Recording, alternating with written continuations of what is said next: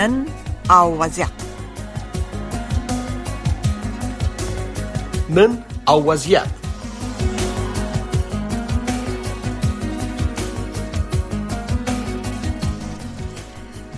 د امریکا جغ د نن او وضعیت خبرونه ډیر قدر منوریدونکو السلام علیکم هله د چروغ جوړ او خوشاله اوسئ قدرمن اوریدونکو د دې استاسي په دې خبرونه کې چې د نن او وضعیت خبرونه ده نو هله د چې تاسو د خبرونه تر پای واوري خو مخکې لدی چې درنو اوریدونکو موږ وخت خبرونه و مهمو مطالب ته حاضر سو او راسو و بعضی مطالب چې نن په خبرونه کې موږ تاسو ته خپروو هغه به ورسته واوري خو لومړی به د سیمه افغانستان سیمه او نړۍ په اړه کې خبرونه واوري ویان سید سلیمان شاه د ملګرو ملتونو عمومي منشي انټونی ګوتریش پر افغانستان باندې د طالبانو د واکمنۍ دوه کلونو تیریدو وروسته هم دغه هواد وضعیت د ژورې اندېښنې وړ خوده خو ویلي دي چې نړیواله ټولنه باید افغانان هېر نه کړي. د ملګرو ملتونو عمومي منشي د سې شنبې د ورځې ناوخته د اګست په پنځلسمه د خپل ټویټر په پاڼه د ښځو او نجونو په حقونو باندې د طالبانو سختو محدودیتونو لګولو په اړه هم ژور اندېښنه ښودلې ښاغلي ګوتریش لیکلي اوس دوه کاله کېږي چې په افغانستان کې طالبانو واک ترلاسه کړی دی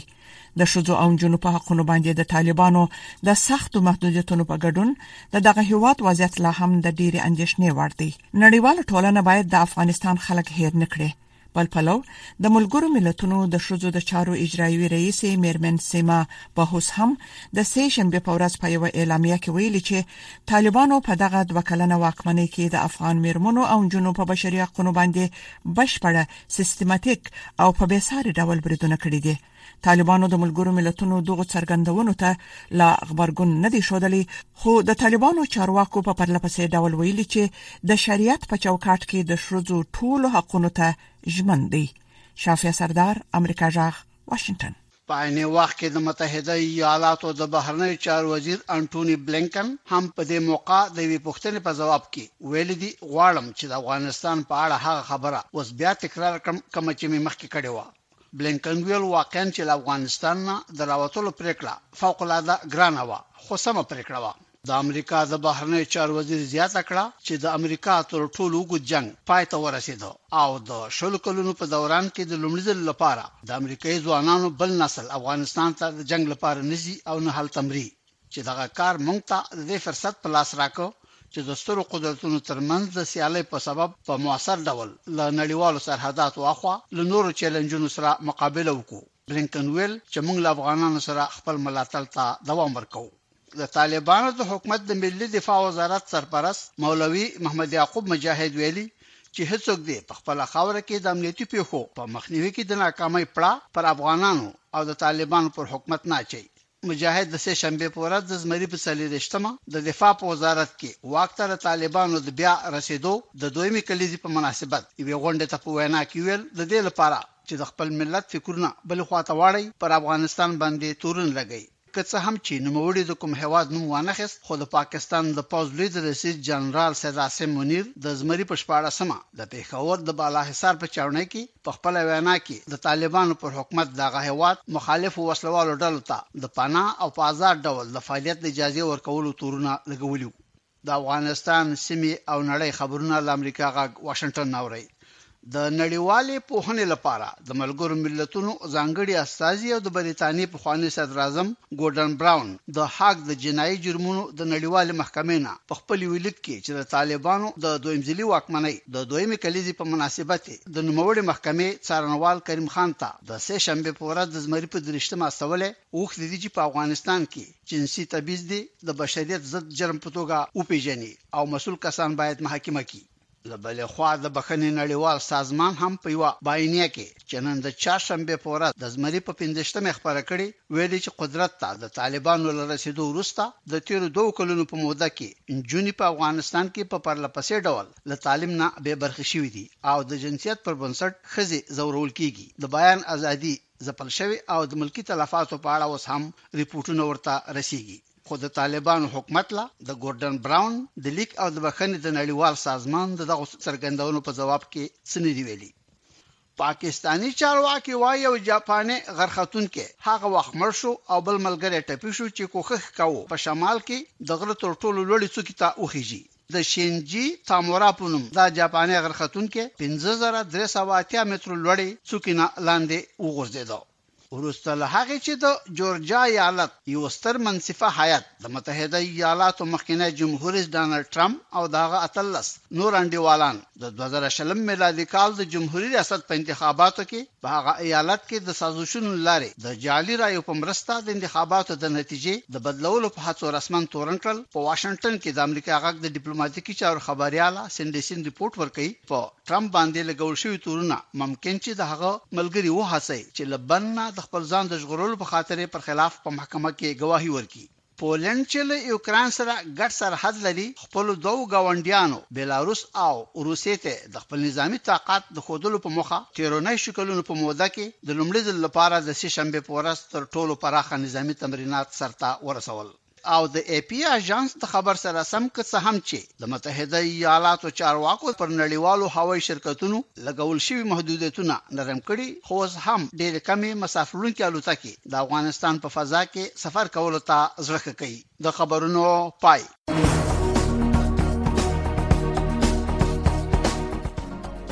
نن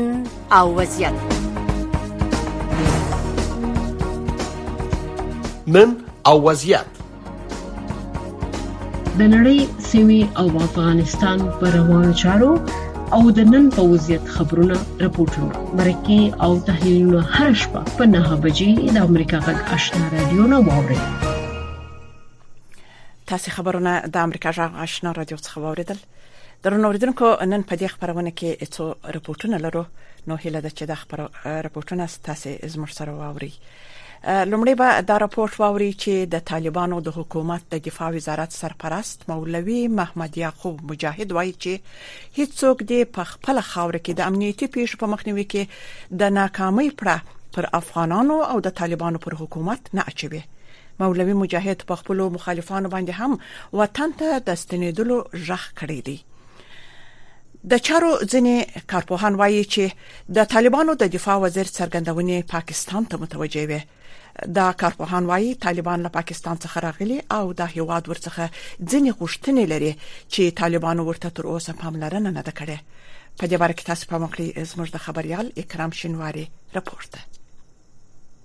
مولوي یعقوب مجاهد د سې شنبې په ورځ د دفاع وزارت کې په افغانستان کې طالبانو لخوا د بیا واک ترلاسه کولو د دویمې کلیزې په مناسبت یوې غونډې ته په وینا کې ویل چې د دې لپاره چې د خپل ملت فکرونه بلې خواته واړي پر افغانستان باندې تورونه لګي موږ ورته وایو چې خپل مسولیت ته متوجه شئ خپل کار ته ژمن اوسئ خپل د هیواد امنیت وساتئ افغانستان مه متهموه افغانستان د چا لپاره خطر نه دی افغانستان د چا لپاره ضرر نه دی افغانستان د څلوېښت کاله ستونزې او مشکلات ګاللي دي او پوهېږي دا ولس پوهېږي چې دا ناخوالې او مشکلات د هیچا په ګټه نه دي موږ د هیچا سره دښمني نه غواړو د هیچا امنیت خرابولو ته تږي نه یو خو دوی باید خپل مسولیت وپېژني د طالبانو د حکومت د دفاع وزارت سرپرست په خپل څرګندونو کې د کوم هیواد نوم وانغښت خو په دې وروستیو اونیو کې د پاکستان پوځي او ملکي لوړپوړو چارواکو په پرلپسې ډول د طالبانو په حکومت د تحریک طالبان پاکستان ټي ټي پي ډلې وسلوال ته د پناه ورکولو تورونه لګولي دي د پاکستان د پوځ مشر جنرال سید عاصم منیر د اګست په اومه د پیښور په بالاحصار کې یو غونډه ته په وینا کې د طالبانو حکومت باندې د دغه هیواد مخالف وسلوال ته د پناه او پازار ډول د فعالیت د اجازه د ورکولو تورونه ولګول ډول مولوي یعقوب مجاهد په خپل وینا کې د خپل حکومت د مخالفو وسلوالو د فعالیتونو په اړه خبرې وکړې او پرته له دې چې د کوم هیواد یا هیوادونو نو واخلي له هیوادونو وغوښتل چې د طالبانو په خلاف دي د طالبانو مخالفو وسلوالو سره مرستې نه کوي د طالبانو د حکومت یوې وسلوالي مخالفې ډلې د افغانستان د مقاومت ملي جبهې د دوشنبه په ورځ په اعلامیه کې د طالبانو په وړاندې د وسلوالي مبارزې ترڅنګ د مدني خوځښتونو لارې د مبارزې په دوام ټینګار کړو دغه جبهې دا کړې و چې په افغانستان کې د طالبانو په وړاندې مقاومت د پراخېدو په حال کې دی د طالبانو د حکومت د دفاع وزارت سرپرست خپل وینا کې د خپل حکومت له مخالفینو وغوښتل چې افغانستان ته دې ستانه شي بیا ورته وایو یو ځل بیا ورته وایو چې موږ د دشمنۍ او انتقام جویي فکر د ذهنونو څخه ایستلی په مینه او محبت د هیواد د بیارغونې په عزم او اراده باندې راغلی یو او دا وطن به جوړوو راسئ په دې ستر کار کې د خپل افغانانو سره ملګری شي بهرنیو جاسوسي ادارو د خپل وطن او دین و دشمنانو ته نور تمه مه کوئ تاسو به دا فکر کوئ چې بیا به افغانستان د ناخوالو او مشکلاتو سره مخ کوي بیا به تاسو د پردیو پر مټ او پر پردیو ټانګونو سپاره او په پردیو تیارو او هلیکوپترو کې سپاره په افغانستان کې چوت کېږي او راځي به ان شاء الله چې د الله جل جلاله په نصرت سره دا کار به نکیش او موږ به اجازه ورنکو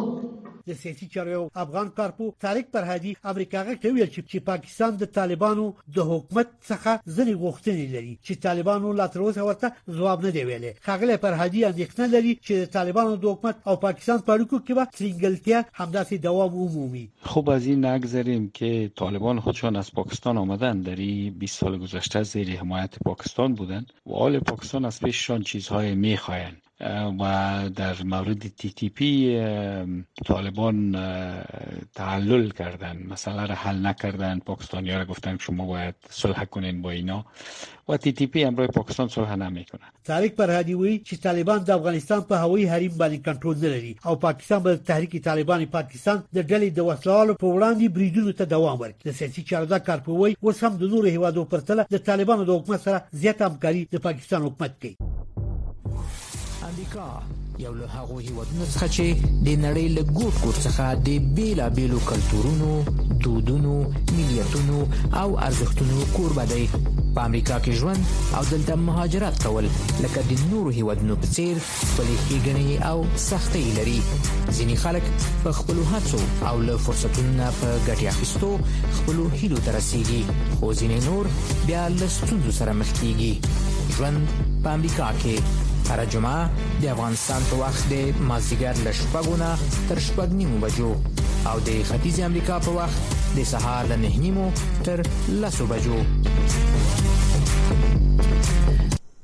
بیا هم د نن او وضعیت خبرونه ته تاسو ښه راغلاست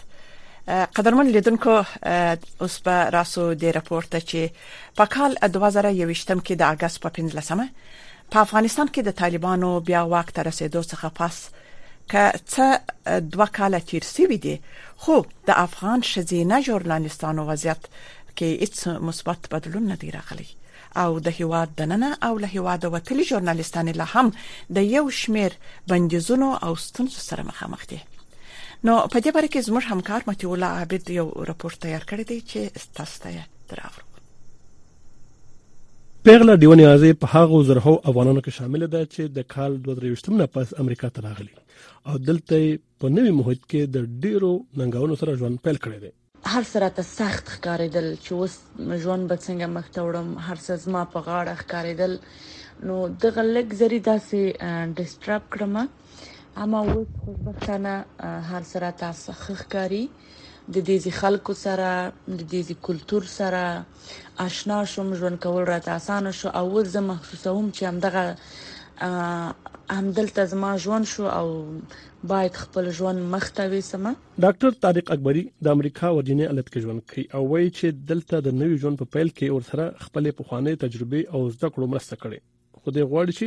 افغانان باید دلته راتګ نه مخکې د امریکا په اړه مکمل معلومات ولري ما په خپل کې ځان واخلم یا فامیل ولوم موږ ډیر کوشش وکړ چې د محیط سم ځان عیار کو خاص کر زما مثال موږ د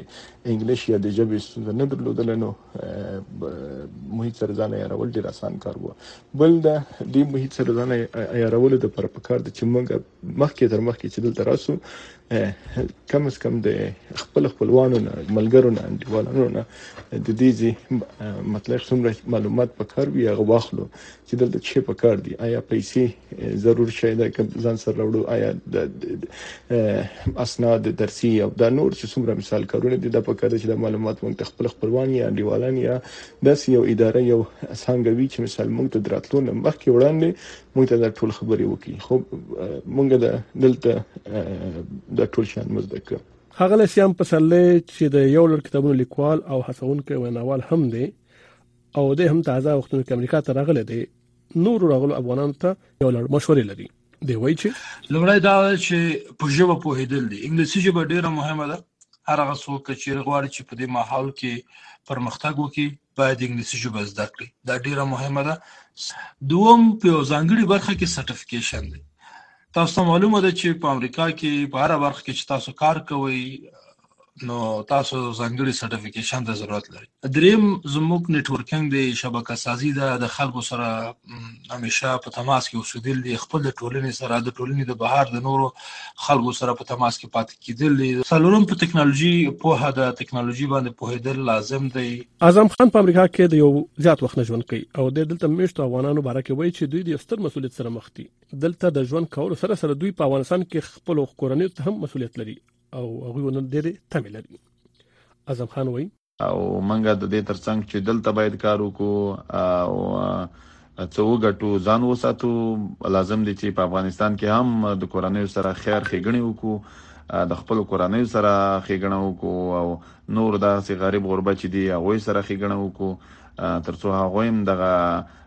هغه تمه یا توقع چې دلته د افغانانو لري یو اندازه روانه شي او د هغوی ژوند د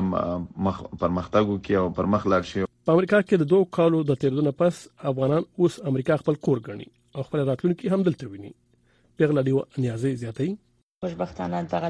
دواړه په تېرېدو دي، اوس د دې ځای محیط، خلکو سره، قانون سره، ژوند کولو سره، اصولو سره د ټولو سره عیاره شوی یم، اوس راته ژوند کول اسانه شوي، اوس خو بیخي ډېر زیات اسانه شوي دي. کولای شم چې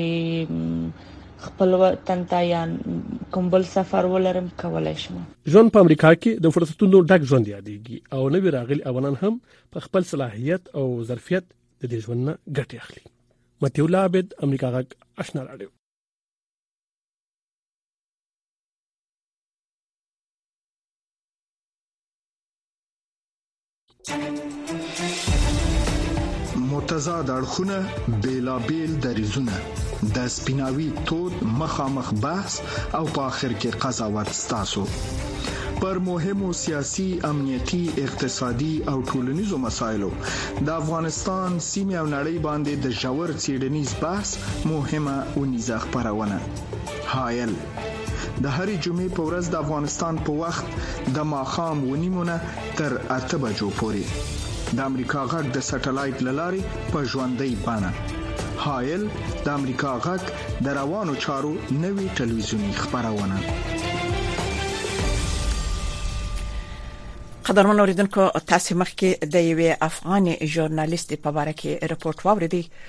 اوس به راسو دې رپورټ ته چې د طالبانو لخوا د نجونو پر زده کړو او تحصیل بندیز د دې لامل شوی دی چې زیات شمیر نجونې په رواني تکلیف او ژور خفګان اخته شوي د طب پوهنځي محصله ګلپاڼه احمدزی وایي چې پر تحصیل د طالبانو بندیز هغه هلي له خاور سره خاورې کړې دي چې غوښتنې غوښتي دي چې ډاکټر سي او خپل خلکو ته خدمت وکړي په دې باره کې زموږ همکار وحید فیضي رپورت تیار کړی دی چې رونا دوراني غورزنګ به یې تاسو ته ولولي یوازنۍ هیلې چې ښکاري په نیمګړي ارمان بدلې شوې ګلپاڼه احمدزۍ د طب پوهنځي محصله وه خو دوه کاله مخکې د طالبانو له لوري د نجونو پر لوړو زده کړو بندیزې هغه هیلې په نیمه خوا ارمان بدلې کړې چې غوښتلې ډاکټر شي ګلپاڼه احمدزی داسې وایي دا زما یو لوی هیله او ارمان و چې زه به راتلونکي کې ډاکټره شم خو متاسفانه نن سبا یې زموږ پر مخ د اول د مکتبونو بیا د پوهنتونونو د دروازې وتړلې اوس موږ نه مختلف طبي امتحانونه د هغه نه اخیستل کېږي نو دا نه یوازې دا چې زموږ حق کې جفا ده دا زموږ د ښځینه وو طبقې یا قشر هغوی هم ډېر سړی مو لیدلی ده دا افغانستان ته یو صدمه ده.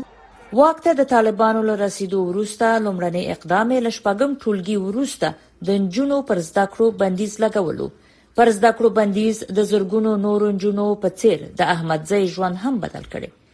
ګلپاڼه احمدزۍ وایي، نجونې په رواني ناروغیو او ژور خپګان اخته دي. هغه داسې وایي دوی پر روح او روان باندې په هر یو باندې ډیر بد اغیزه کړې ده زیاتره داسې شاګردان موږ لرو چې هغوی د ډیر تشویش او خفګان د خپل آینده د خپل پرمختګ په اړه چې لري هغوی ډیپریشن ته تللي دي ډیپریشن چې یو ژور خفګان ناروغي ده او یعنی هر ورځ د دې لپاره کړیږي چې مونږ یو نامعلوم راتلونکي سره مخ یو د نجونو پر زده کړو او د میرمنو پر کار محدودیت لګول په ملي او نړیواله کچه غندل شوي دي طالبان وایي چې میرمنو ته د شریعت په چوکاټ کې حقونه ورکړل شوي دي خو ملا عبدالضعیف په پاکستان کې د طالبانو په خوانی سفیر داسې څرګندونه کوي علم د پاره د هغوی د پاره پروسیجرونه او تعلیمي اقدامات وکړي او د دوی د سوکالۍ لپاره د دوی د ښه ژوند لپاره ټول اقدامات وکړي خو د دې مخالف وم چې دا د بهر څخه د فشار یا د بهر د هغوی په ضد باندې تبلیغات سي ځکه دا د هغوی حق نه دی دا د افغانان حق دی افغانان چې څومره وایي باید وایي دا تاییدوم نجونې تمه لري چې د زده کړو اجازه ورکړ شي ګلپانه احمدزی ډیره نا امیده ښکاري. د ټولو نجونو غوښتنه همدا ده چې زموږ پر مخ زموږ د مکتبونو او پوهنتونونو دروازه مه تړئ. د ټولو څخه غواړو چې زموږ پر مخ زموږ د مکتبونو او پوهنتونونو دروازې خلاصې کړي تر څو موږ تعلیم وکړو. نړیوالې ټولنې په پرله پسې ډول د طالبان غوښتي چې په افغانستان کې دې د بشري حقونو په ځانګړي ډول د ښځو، نجونو، قومي او مذهبي اقلیتونو حقونو ته درناوی وکړي. خو د نړیوالې ټولنې دغو غوښتنو ته تر اوسه طالبانو کوم مثبت ځواب نه دی ورکړی رڼا دورانی غورزنګ د امریکا غک واشنگټن د بدلون پر مهال کله چې د نړۍ وضعیت څرګند نه وي او کله چې اوریدل ل عیني واقعیتونو سره سمون نخري موږ په حقیقت پسې ګرځو کله چې موږ ته د یو موضوع یوازې یو اړخ بیانېږي نو باور بایلو د ناورین پر مهال د یوې خې راتلونکو لپاره زموږ خوبونه تم یو هلي پر آزادو مطبوعاتو تکیوي د امریکا غږ پر چپو موږ هغه خبرونه خبرو چې خلک یې د لیدلو لپاره غواخونه مني موږ نړۍ سره وسلو او د حقیقت په ویلو یو موټی کوو د امریکا غږ لاري موږ بشپړ انزور درکو بیا هم ستاسو پام یو راپورټ ترګرځوم چې وخت له رسیدو وروسته طالبانو د ښځو پر کار او د نجونو پر زده کړو بندیز ولګوي اټکل شوې ده دې چې د ښځو پر کار بندیز نه یوازې پر ښځو ناوړه اغیزه کړي بلکې دغه بندیزونو د افغانستان اقتصاد ته لسګونه میلیونه ډالر زیان اړولې دي او د نجونو پر زده کړو بندیز به د نورو اړخونو ترڅنګ په اوږده مهال کې پر اقتصاد نه جبران کېدونکې اغیزه ولري په دې باره کې ستاسو پام و دې راپور ته راګرځوم. د ملګرو ملتونو او نړیوالو ادارو احصایې ښيي، چې په افغانستان کې د ښځو پر کار د بندیزونو له امله سلګونو زرو ښځو خپلې دندې له لاسه ورکړي او د افغانستان اقتصاد ته یې له زر څخه تر پنځلس سوه میلیونو ډالرو زیان اړولی. د مېرمنو د کرنیزو محصولاتو د تولید او سوداګرۍ شرکت مشره ممتاز یوسفزۍ وايي، چې پر ښځو بندیزونو یې سوداګري د تړل کېدو له ګواښ سره مخ کړې. حال همین محدودیتهایی که وضع شده نبود ویزه بر ماست، بدون محرم سفر کردن است، مارکت بر خانمها وجود نداره، اینی یک در کاروبار ما هفتاد فیصد مشکلات بر ما وضع کرده. د ملګرو ملتونو پرمختیایي ادارې، یو این ډي پي، په خپل یو راپور کې د ښځو پر کارونو د بندیزونو له امله د افغانستان ټول عاید تر پنځه سلنې د کمېدو خبر ورکړی و. د امریکا د بهرنیو چارو وزیر هم د افغانستان په اقتصاد کې د ښځو ونډه غوښینه ګڼي. انتوني بلینکن وايي، که د افغانستان خځو ته د کار اجازه ورکړای شي دوی د افغانستان اقتصاد ته یو میلیارډ ډالر ور اضافه کولای شي دوی د هغو کورنیو چې د بیوزلۍ سره مخ دي د هغوی د ژوندۍ پاتې کېدلو وسیله کېدای شي خځې په افغانستان کې د لا زیات ټیکاو رامنځته کولو کې مرسته کولای شي هغه خلک چې د مهال په افغانستان کې ورته سخت اړتیا ده سره د ژوند د دوام لپاره مرسته کولای شي نور شنونکي بیا د افغانستان په اقتصاد کې د خځو ونډه تر یو نیم میلیارډ ډالرو پورې ګڼي په دې اړه د اقتصادي چارو شنونکی عبدالقادر جیلاني وايي. یعنې که په ټوله موږ ووایو د جي ډي پي یو اساسي عامل هغه هم د ښځو ونډه ده، نو دا چې له منځه ځي په تقریبي شکل باندې موږ ویلی شو چې یو اعشاریه پنځه میلیارده ډالرو په ارزښت باندې په مختلفو سکتورونو کې هغه که خدماتي سکتورونه دي او که تولیدي او که صنعتي خزي بیکاره شوې دي او دا په راتلونکي یو کال کې کچيري په همدغه منوال باندې اسلامي امارت ادامه ورکي بل شک چې دلته اقتصادي ناورین رامنځته کیږي. د ملګرو ملتونو د پرمختیایي ادارې، یو این ډي پي، د یو راپور له مخې د افغانستان اقتصاد له دوه زره یوویشت کال څخه تر دوه زره دوه ویشت کال تر پایه دېرش سلنه کم شوی. د ملګرو ملتونو د کار سازمان وایي چې په افغانستان کې تر اوسه شاوخوا درې سوه پنځوس زرو مېرمنو دندې له لاسه ورکړي. د ملګرو ملتونو د کار سازمان چارواکي رامین بهزاد وایي ما به طور کلی ارزیابیمون این هست که تا پایان سال 2022 25 درصد از جمعیت زنان زنان شاغل و 7 درصد از جمعیت مردان شاغل افغانستان کاهش یافته است وړاندوینه دا ده چې د دومره ستر شمیر میرمنو بیکاری او د بیکاری سره تړلی اقتصادي زیان به پر خلکو لړن او اوږدمهالې اغېزې وکړي. په دې اړه د کاردان پوهنتون پخوانی استاد طوع ابراهیم زیاتوي. د طالبانو له خوا د ښځو په کار کولو بندیز به نه یوازې دا چې مېرمنې او د هغوی کورنۍ د کاري فرصت او د عاید منبع نه محرومه کړي، بلکې د هېواد خدماتي سکتور او همداراز زموږ ځانګړي صنعتونه د بېلګې په ډول لاسي صنایع، غذایي موادو پروسس، د زعفرانو او ورېښمو تولید او داسې نور صنعتونه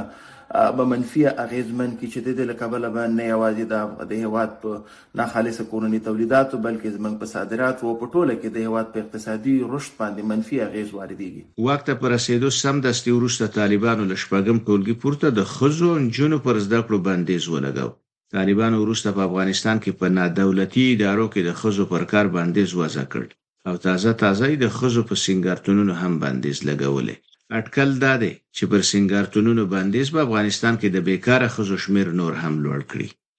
احمدالله ارچیوال اشنا راډیو واشنگټن قدرمن اوریدونکو زموږ د نن او وضعیت خبرونه په همدې ځای پای ته ورسیده د امریکا جغ آشنا رادیو خبرونه دوام لري ستاسو ټول څخه مننه چې زموږ خبرونه اوري خو ورسته به د صداي شما یا ستاسو جغ خبرونه پیل سي چې په دې کې زموږ همکار قدیر مشرف او زه شافیا ستاسو سره ملګری یو نو هله د چې و رادیو تکښینی او خبرونه واوري چې د خبرونه ستاسو ده تر بل خبرونه تاسو ټول پر خدای سپارو